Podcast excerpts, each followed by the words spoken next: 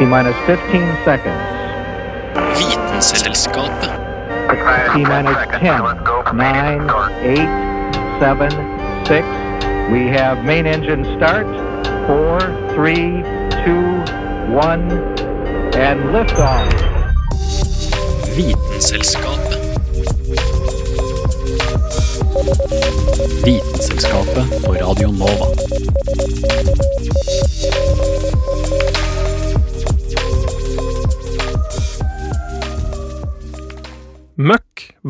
Og solljos. I seg sjøl ganske forskjellige ting, men i skjønn harmoni kan disse tre tingene få frø til å spire opp fra bakken.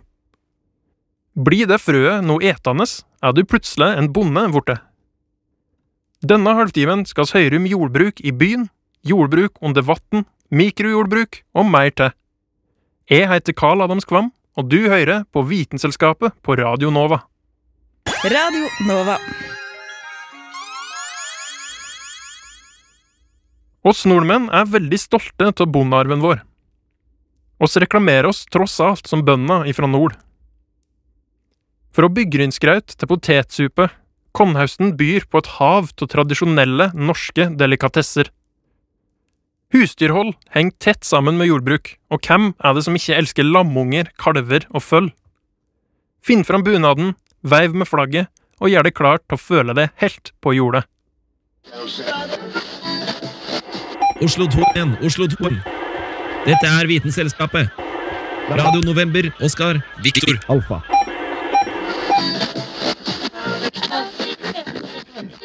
Folk som bor i byen, savner ofte hoggå som de sjøl kan bruke, eller generelt bare synet av store, grønne sletter, slik det er så mye av i distriktene.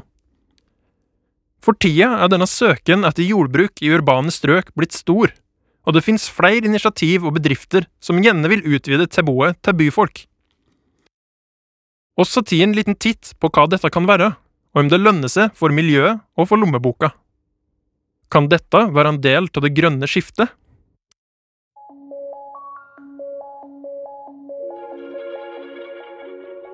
For ca. 10 000 år siden så skjedde det noe som totalt forandret oss som mennesker. Vi gikk fra å være jegere og sankere til å begynne å dyrke maten på en kunstig måte og holde husdyr. Jeg snakker selvfølgelig om jordbruksrevolusjonen. Vi fant helt nye måter å bruke naturen på for å overleve, som resulterte i en enorm befolkningsvekst, som igjen betydde flere mager og mette, og altså mer matproduksjon. Vi har jo bare én klode med et begrenset areal man kan dyrke på, så det er jo helt åpenbart at denne onde sirkelen ikke kunne gå i all evighet. Men på 1900-tallet så klarte vi å effektivisere jordbruket ved å ta i bruk bl.a. kunstgjødsel og kjemiske plantevernmidler. Vi fikk altså mer avlinger, og man kunne produsere mer enn dobbelt så mye på akkurat samme areal. Selv om man fikk eh, effektivisert arealbruken ved å bruke disse nyvinningene, så er fortsatt produksjon av mat en av de største miljøutfordringene vi har i dag. Skog hogges ned for å få ny mark å dyrke på.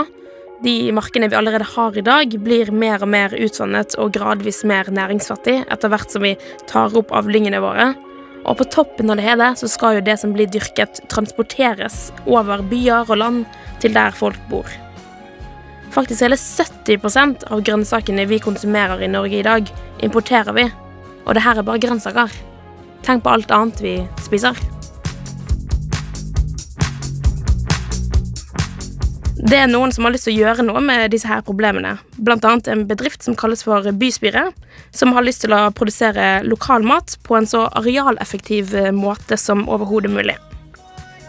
Det de vil, er å produsere mat i høyden som skal foregå inne i et lukket produksjonsanlegg. På denne måten så vil de få samme mengde mat produsert på et enda mindre areal, og i tillegg få full kontroll over vekstmiljøet, siden det er innendørs. Men hvordan skal de egentlig få det her til? Hydroponisk dyrking, det er svaret. Dette er dyrking helt uten jord, der planterøttene er i direkte kontakt med vann, oksygen og næring. På denne måten så vil planten som dyrkes hele tiden ha næringsstoffene tilgjengelig, slik at den klarer å vokse. Det hele ser litt ut som et sånt stort stillas med masse hyller der det er planter på hyllene. Og hele dette stillaset da, er påkoblet lys og vann og næring som hele tiden sirkulerer inni det her stillaset. Og siden det skal foregå innendørs, så gir det også mulighet til at den kan være hvor som helst, også her midt i Oslo. Så i teorien så vil jo vi altså kunne få tilgang til ferske og kortreiste grønnsaker året rundt, helt uavhengig av sesongen. Det her høres jo egentlig helt fantastisk ut, gjør ikke det? Tenk å bare få gode, ferske norske epler og salat og alle andre mulige grønnsaker hele året rundt, rett fra dette her produksjonsanlegget som kanskje er, ja, jeg vet ikke ti minutter unna der du bor? Eller er det for godt til å være sant? For at en plante skal klare å vokse, så må den ha vann, næring og sollys. Det er disse komponentene som inngår i fotosyntesen for at en plante skal klare å vokse og produsere energi som vi mennesker kan ta i bruk ved å spise planten. Her i Norge så treffer solen oss med en effekt på ca. 100 watt, og det er jo helt gratis. I produksjonsanleggene til bystyret så har de planlagt å bruke LED-belysning som en erstatning for solen.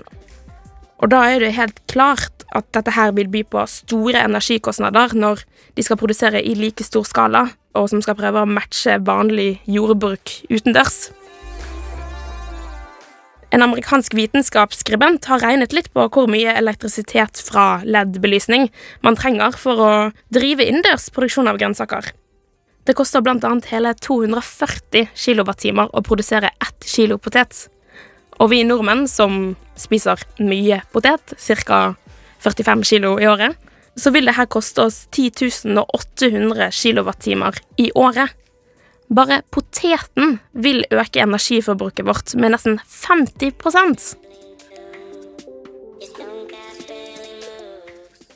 Selv om ideen til bystyret vil begrense arealet til det minimale, så vil likevel ikke dette her energiregnskapet lønne seg i enden, verken for lommeboken eller for miljøet, dessverre.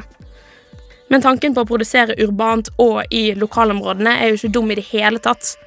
Men kanskje ikke isolert fra solen, som ellers ville gitt oss en gratis energi. For generelt urbant jordbruk er veldig i vind for tiden, og interessen for det bare øker. Bare her i Oslo så foregår det dyrking bare et steinkast unna Barcode. Og det er flere nye bygg som har hager på både tak og vegger, som folk kan benytte seg til å dyrke til eget bruk. Det finnes også dyrkekasser, bikuber og parsellhager rundt om i byen, og i andre byer i Norge. Selv om det her alene sikkert ikke vil ta over jordbruket sånn som det er i dag, så er urbant jordbruk et veldig fint supplement for å få kortreist mat. Både for lommeboken og miljøet.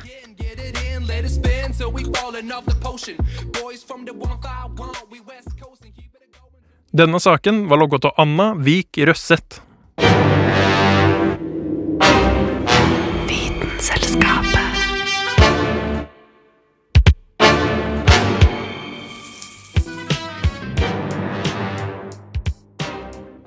For at det skal bli flere dyr i jordbruket, må de som regel insemineres kunstig. Dette er en vitenskap i seg sjøl, og forrige uke var oss på Cutting Edge-festivalen og snakka med noen som har gjort insemineringa av jordbruksdyr litt mer treffsikker.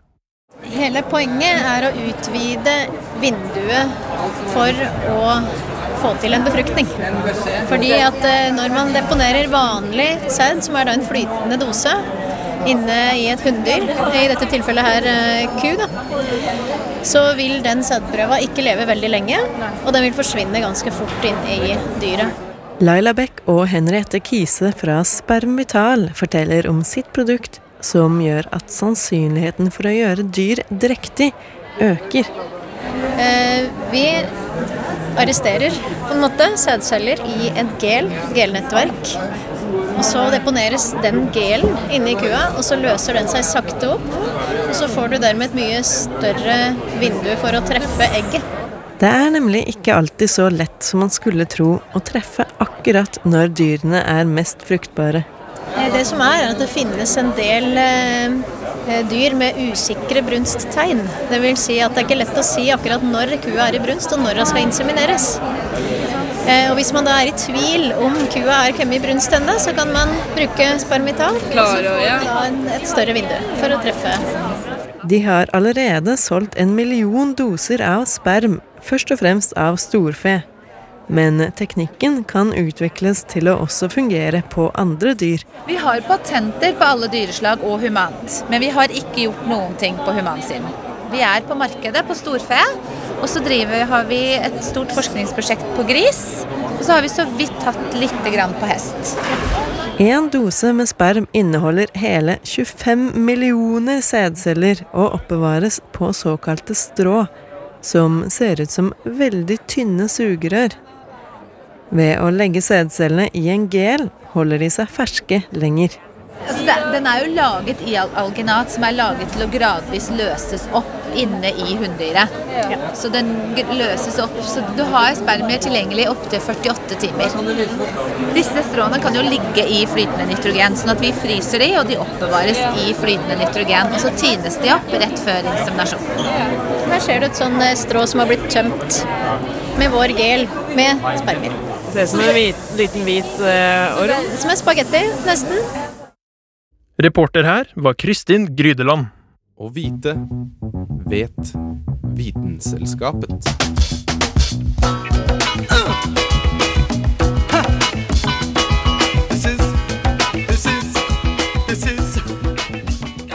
Jordbruk kommer i flere varianter. Noe som oss kanskje ikke tenker så mye på, er at her i Norge driver oss òg en form for jordbruk under vatnet. I media er det mye fokus på fisk som næringsmiddel. Helsedirektoratet anbefaler at vi spiser minst 300-450 gram ren fisk i uken.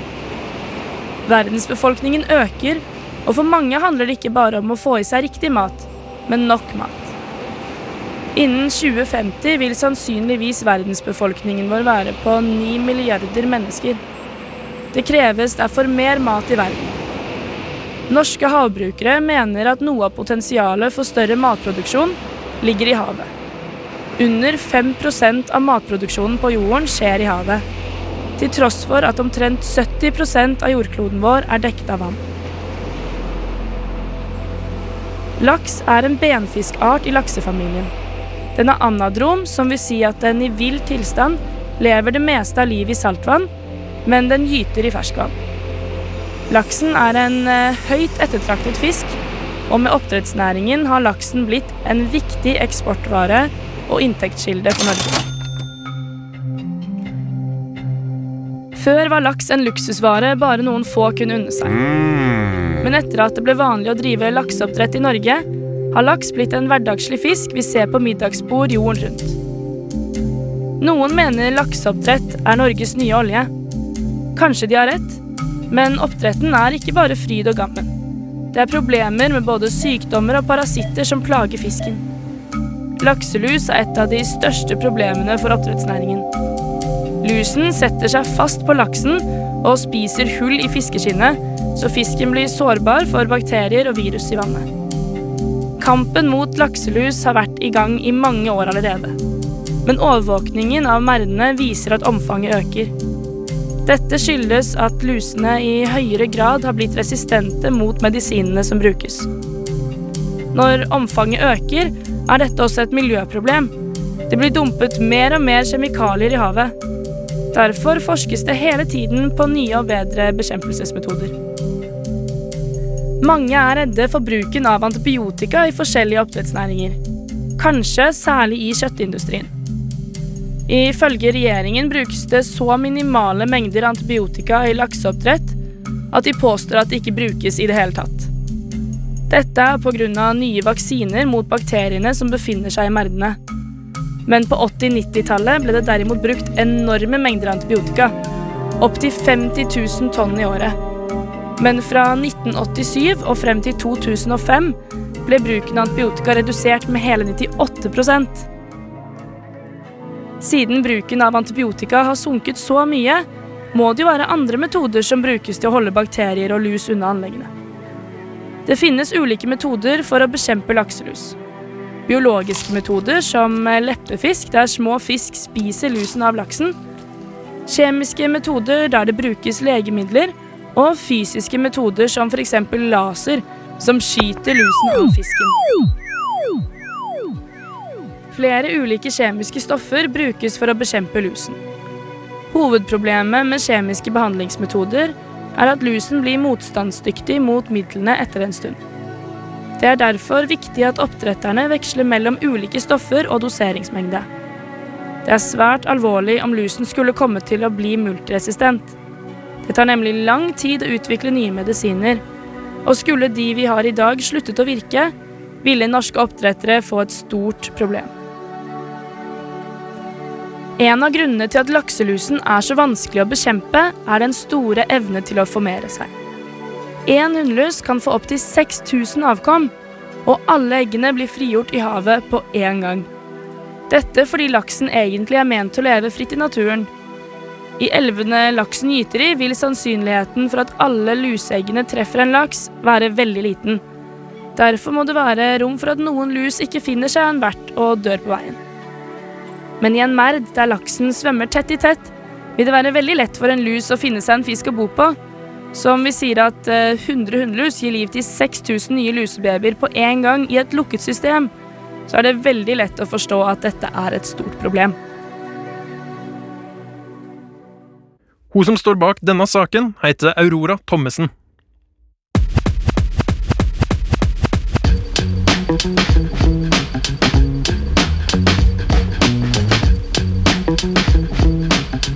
nytt. Det du trenger å vite. Ja, da har jeg fått Ida Vassbotn inn i studio. Eh, Ida, har du noe spennende å fortelle fra vitenskapsnyhetsfronten? Ja, jeg har faktisk veldig mye forskjellig. Og vi skal starte med en eh, litt eh, kul herremann som har gjort litt av hvert. Han der som har gitt oss Tesla og PayPal og gud vet hva, vet ikke hva man snakker om? Han eh, Elon Musk? Ja! Han gærningen. Han, eh, hvis folk ikke har fått det med seg, da, så skal vi holde dere oppdatert på det han holder på med nå. Han eh, har nå fortalt at han eh, ja, som sikkert veldig mange vet, så vil han ha ei kolonisering på Mars, og det himla raskt. Nå har han oppdatert at han vil ha minst to romfartøy der oppe innen 2022. Og han har jo før laga raketter som skulle være ganske bra, men de gidder han ikke å bruke. Han vil lage en superrakett som har fått navnet BFR, som står for Big Fucking Rocket. Så, eh, så vi skjønner kanskje hva det er han er ute etter å få opp der. En stor rakett? Ja. Eh, og den eh, raketten skal, skal annet sette opp infrastruktur og gjøre det enklere å lande for fremtidige flygninger. Fordi at det er allerede innen 2024 så vil han ha folk opp dit. Ok, så innen fem år så skal han få to romskip opp på Mars, og de Mm. romskipene skal kunne bygge infrastruktur. Og så innen sju år så skal vi ha folk på Mars. Jepp, det er hans plan. Og som han sjøl sier, så syns jo han fem år på å få tak og få bygd de her rakettene, syns han er veldig kort er veldig god tid. For at noen syns jo at det her er litt ja, vel eh, Kanskje litt kort tid siden vi ikke vet om Altså, vi har ikke fått noe sånn stor fremgang i det, men han mener jo at det er god nok tid, og han syns han har god tid på det her, da, så han er veldig positiv. Kanskje litt gæren, men eh, det er jo de gærne folkene som får det til. Og som om det ikke var nok fra hans side. Den her eh, BFR, Big Fucking Rocket, vil han også bruke som passasjerfly her på jorda. Eh, ikke tur-retur Mars, men fra storbyer. Uh, for eksempel fra London til New York eller Dubai, og det på en liten halvtime. Så for de som syns det kanskje er langt tid, det tar jo noen Ja, sikkert herifra til New York tar jo sånn sju-åtte timer. Det er noe sånt nå. Så det ville jo ha tatt betraktelig mye kortere tid, for de her, altså det er jo en rakett, du kan jo forestille avstanden fra herifra til Mars, og da må den jo gå ganske fort, og det gjør den også. Um, og hvis du tenkte at dette er jo helt teit for at ingen blir å kunne få ferd med denne raketten, så har han planer om å sette en økonomipris på den. Så til og med for de av oss som fortsatt kan fære med ungdomsbillett, og er litt redd for den eh, voksenprisbilletten, så kanskje det her er noe som vi en gang i framtida også kan bruke. Men nå skal det sies at raketten går i 22, 27 000 km i timen. Uh, Det er ganske fort. ja. Så jeg tror du må forberede deg ganske greit på å sette på den. Eh, det er jo blitt stilt litt spørsmål til hvordan folk skal takle det her. Veldig ofte så når folk blir utsatt for så høy fart, så blir de jo veldig uvel og ja, de spyr og blir satt ganske ut av spill. Så, eh, men det skal være plass til 80-100 personer i denne raketten, så det skal være greit for å få nok folk av gårde. Uh, mens det stadiet den er nå på, da, det blir fortsatt å ta litt tid, men vi vet ikke så mye om den, for den er på designstadiet. Men han tror fortsatt at den skal begynne å bygges om seks til ni måneder. Så uh, kanskje når vi er blitt uh, for gamle for ungdomsbillett, så skal vi heller begynne å ta rakett. Når Ja. vi skal over, over til andre land. Og dette gleder vi veldig mye til å høre om. Så jeg ser fram til mer oppdatering fra han gærningen der i framtida. Ja, det blir spennende hvor han kan gå fra her. Når de skal begynne å fly rakett fra Europa til USA, så veit ikke hvor mer spinnvill er du kan få, men eh, Nei, altså Sånn som det er nå, jeg tror bare det kan gå én vei, og det, det kan faktisk ikke gå nedover. For at jeg tror det Plutselig så kan vi dra til Mars på en halvtime, for alt vi vet. Bare gi han et par år. Et, så lenge han klarer nå til slutt å ta oss til Mars, så tror jeg vi plutselig kan få på besøk til tante og onklene våre på Mars også. ja, jeg gleder meg. Ja, jeg òg. Har du noe flere nyheter? Eh, ja, her har vi en litt artig ting. Det er en sånn post på Facebook som har gått litt rundt, eh, som sikkert veldig mange har sett. Og den handler rett og slett om det var en eh, Ja, vi kan si hun var en naturfagslærer, som har tatt eh, tre brødskiver og putta de i tre forskjellige poser. Men hun har med den første brødskiva har hun tatt en hanske på og lagt ned i posen, så den har altså ikke blitt berørt av hud eller mennesker, annet enn når den har blitt produsert. Eh, Den andre brødskiva har hun vaska hendene godt, og så lagt den ned i posen. Og den tredje brødskiva har hun sendt rundt i klasserommet til ungene og fått de til å ta på brødskiva, og så har hun lagt den ned i posen. Og så har de da sett etter hvert da at uh, den første brødskiva, som ikke var, hadde noe kontakt, så helt fin ut. Brødskiva med vaska hender har fått litt mugg på seg, mens den som har gått rundt i hendene til alle de her ungene, var jo blitt fylt over av mugg. Så dette er jo ikke sjokkerende, dette er jo ikke Vi skjønner jo at det kom til å skje, men det er en eh, artig måte å kunne forstå at du kanskje ikke vil håndhelse på unger, eh, eller skjønne at de lærer de å vaske hendene litt bedre. Ja, og kanskje ikke ete brødskiver som har blitt sendt rundt i klasserom. Nei, eh, hvis du ikke allerede visste det, så vet du det nå.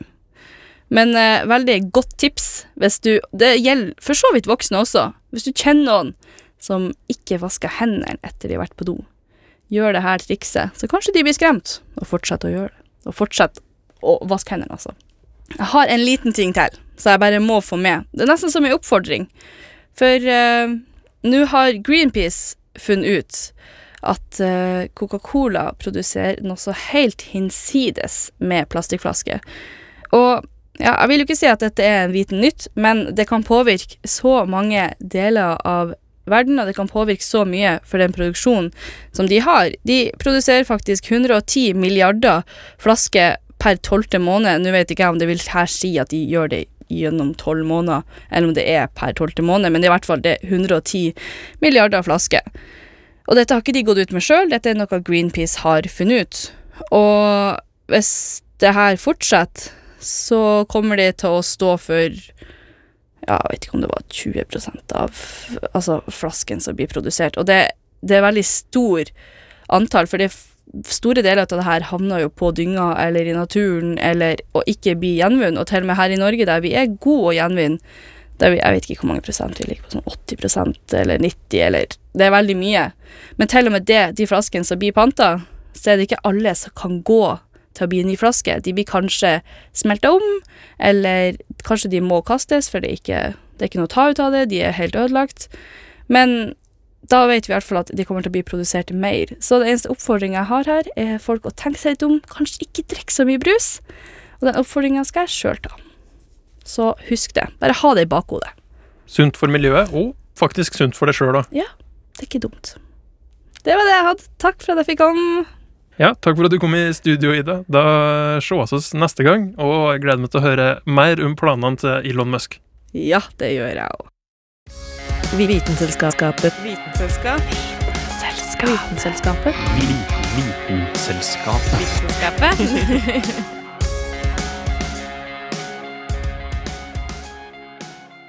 Oss får mikro i mange forskjellige former. Mikrobølgeovner, mikro-USB, mikropenis, mikrometer. Lista fortsatt evig. Oss vender tilbake til cutting edge, og du skal få ny ting å føre inn på lista. For hva i all verden er egentlig mikrogrønt? Du sa at det her var brokkoli, Det er brokkoli, ja. men det ser jo ikke ut som brokkoli. Nei, det er helt i startfasen av brokkolien. Den er akkurat kommet ferdig, er ferdig med spirefasen og akkurat begynt med vekstfasen, og da er den eh, mest optimal i næringsstoffene. Som jeg sier, opptil 50 ganger høyere næringsverdi på dette stadiet enn ferdigvokst grønnsak. I et stort kjøleskap står det rekker på rekker med små grønne planter. Her dyrker Jan Olav Fikse fra Urban Cultivator såkalt mikrogrønt. Nei, vi har eh, rødbeter, vi har ruccola, eh, ja, vi har reddika, vi har solsikker, blomkarse. Du kan egentlig dyrke nesten hva som helst. Mange planter kan altså dyrkes som mikrogrønt, men det de har til felles, er at de høstes tidlig, når de har fått blader, men før de har fått den formen vi er vant til å se. Ved å la plantene vokse i maks noen uker, slik at de spises mens de er små, blir visstnok næringsstoffene i plantene konsentrert.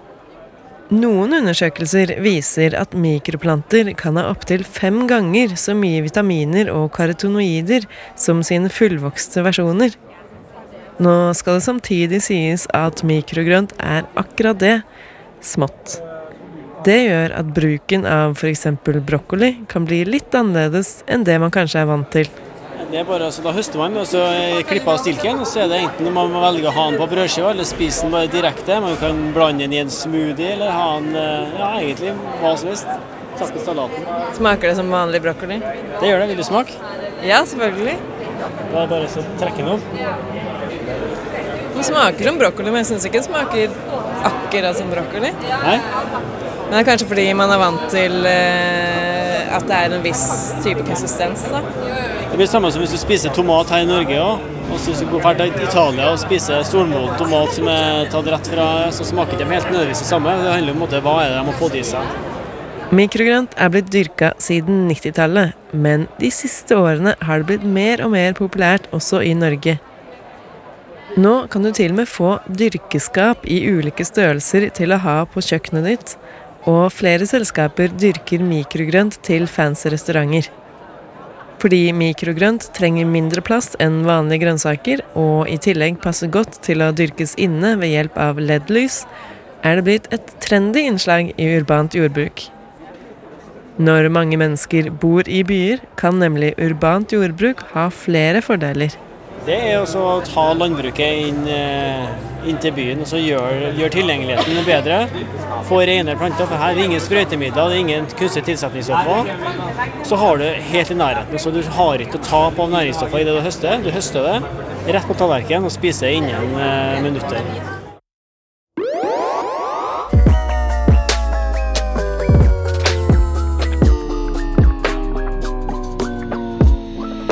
Vitenselskapet. Det var det Vitenselskapet hadde å by på denne gangen. Du kan høre oss igjen neste uke. Fram til da kan du finne oss på Facebook og Instagram som Vitenselskapet. Du kan òg laste ned sendingene våre som podkast på iTunes eller din foretrukne podkast-app. Artikler fra redaksjonen kan du finne på radionova.no. På gjenhør.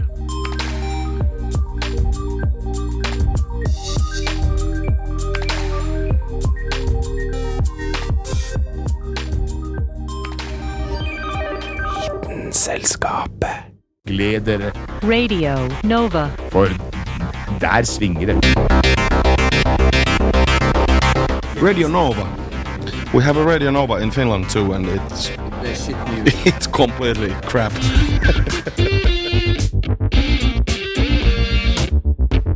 Det blikket på kvinnen på film.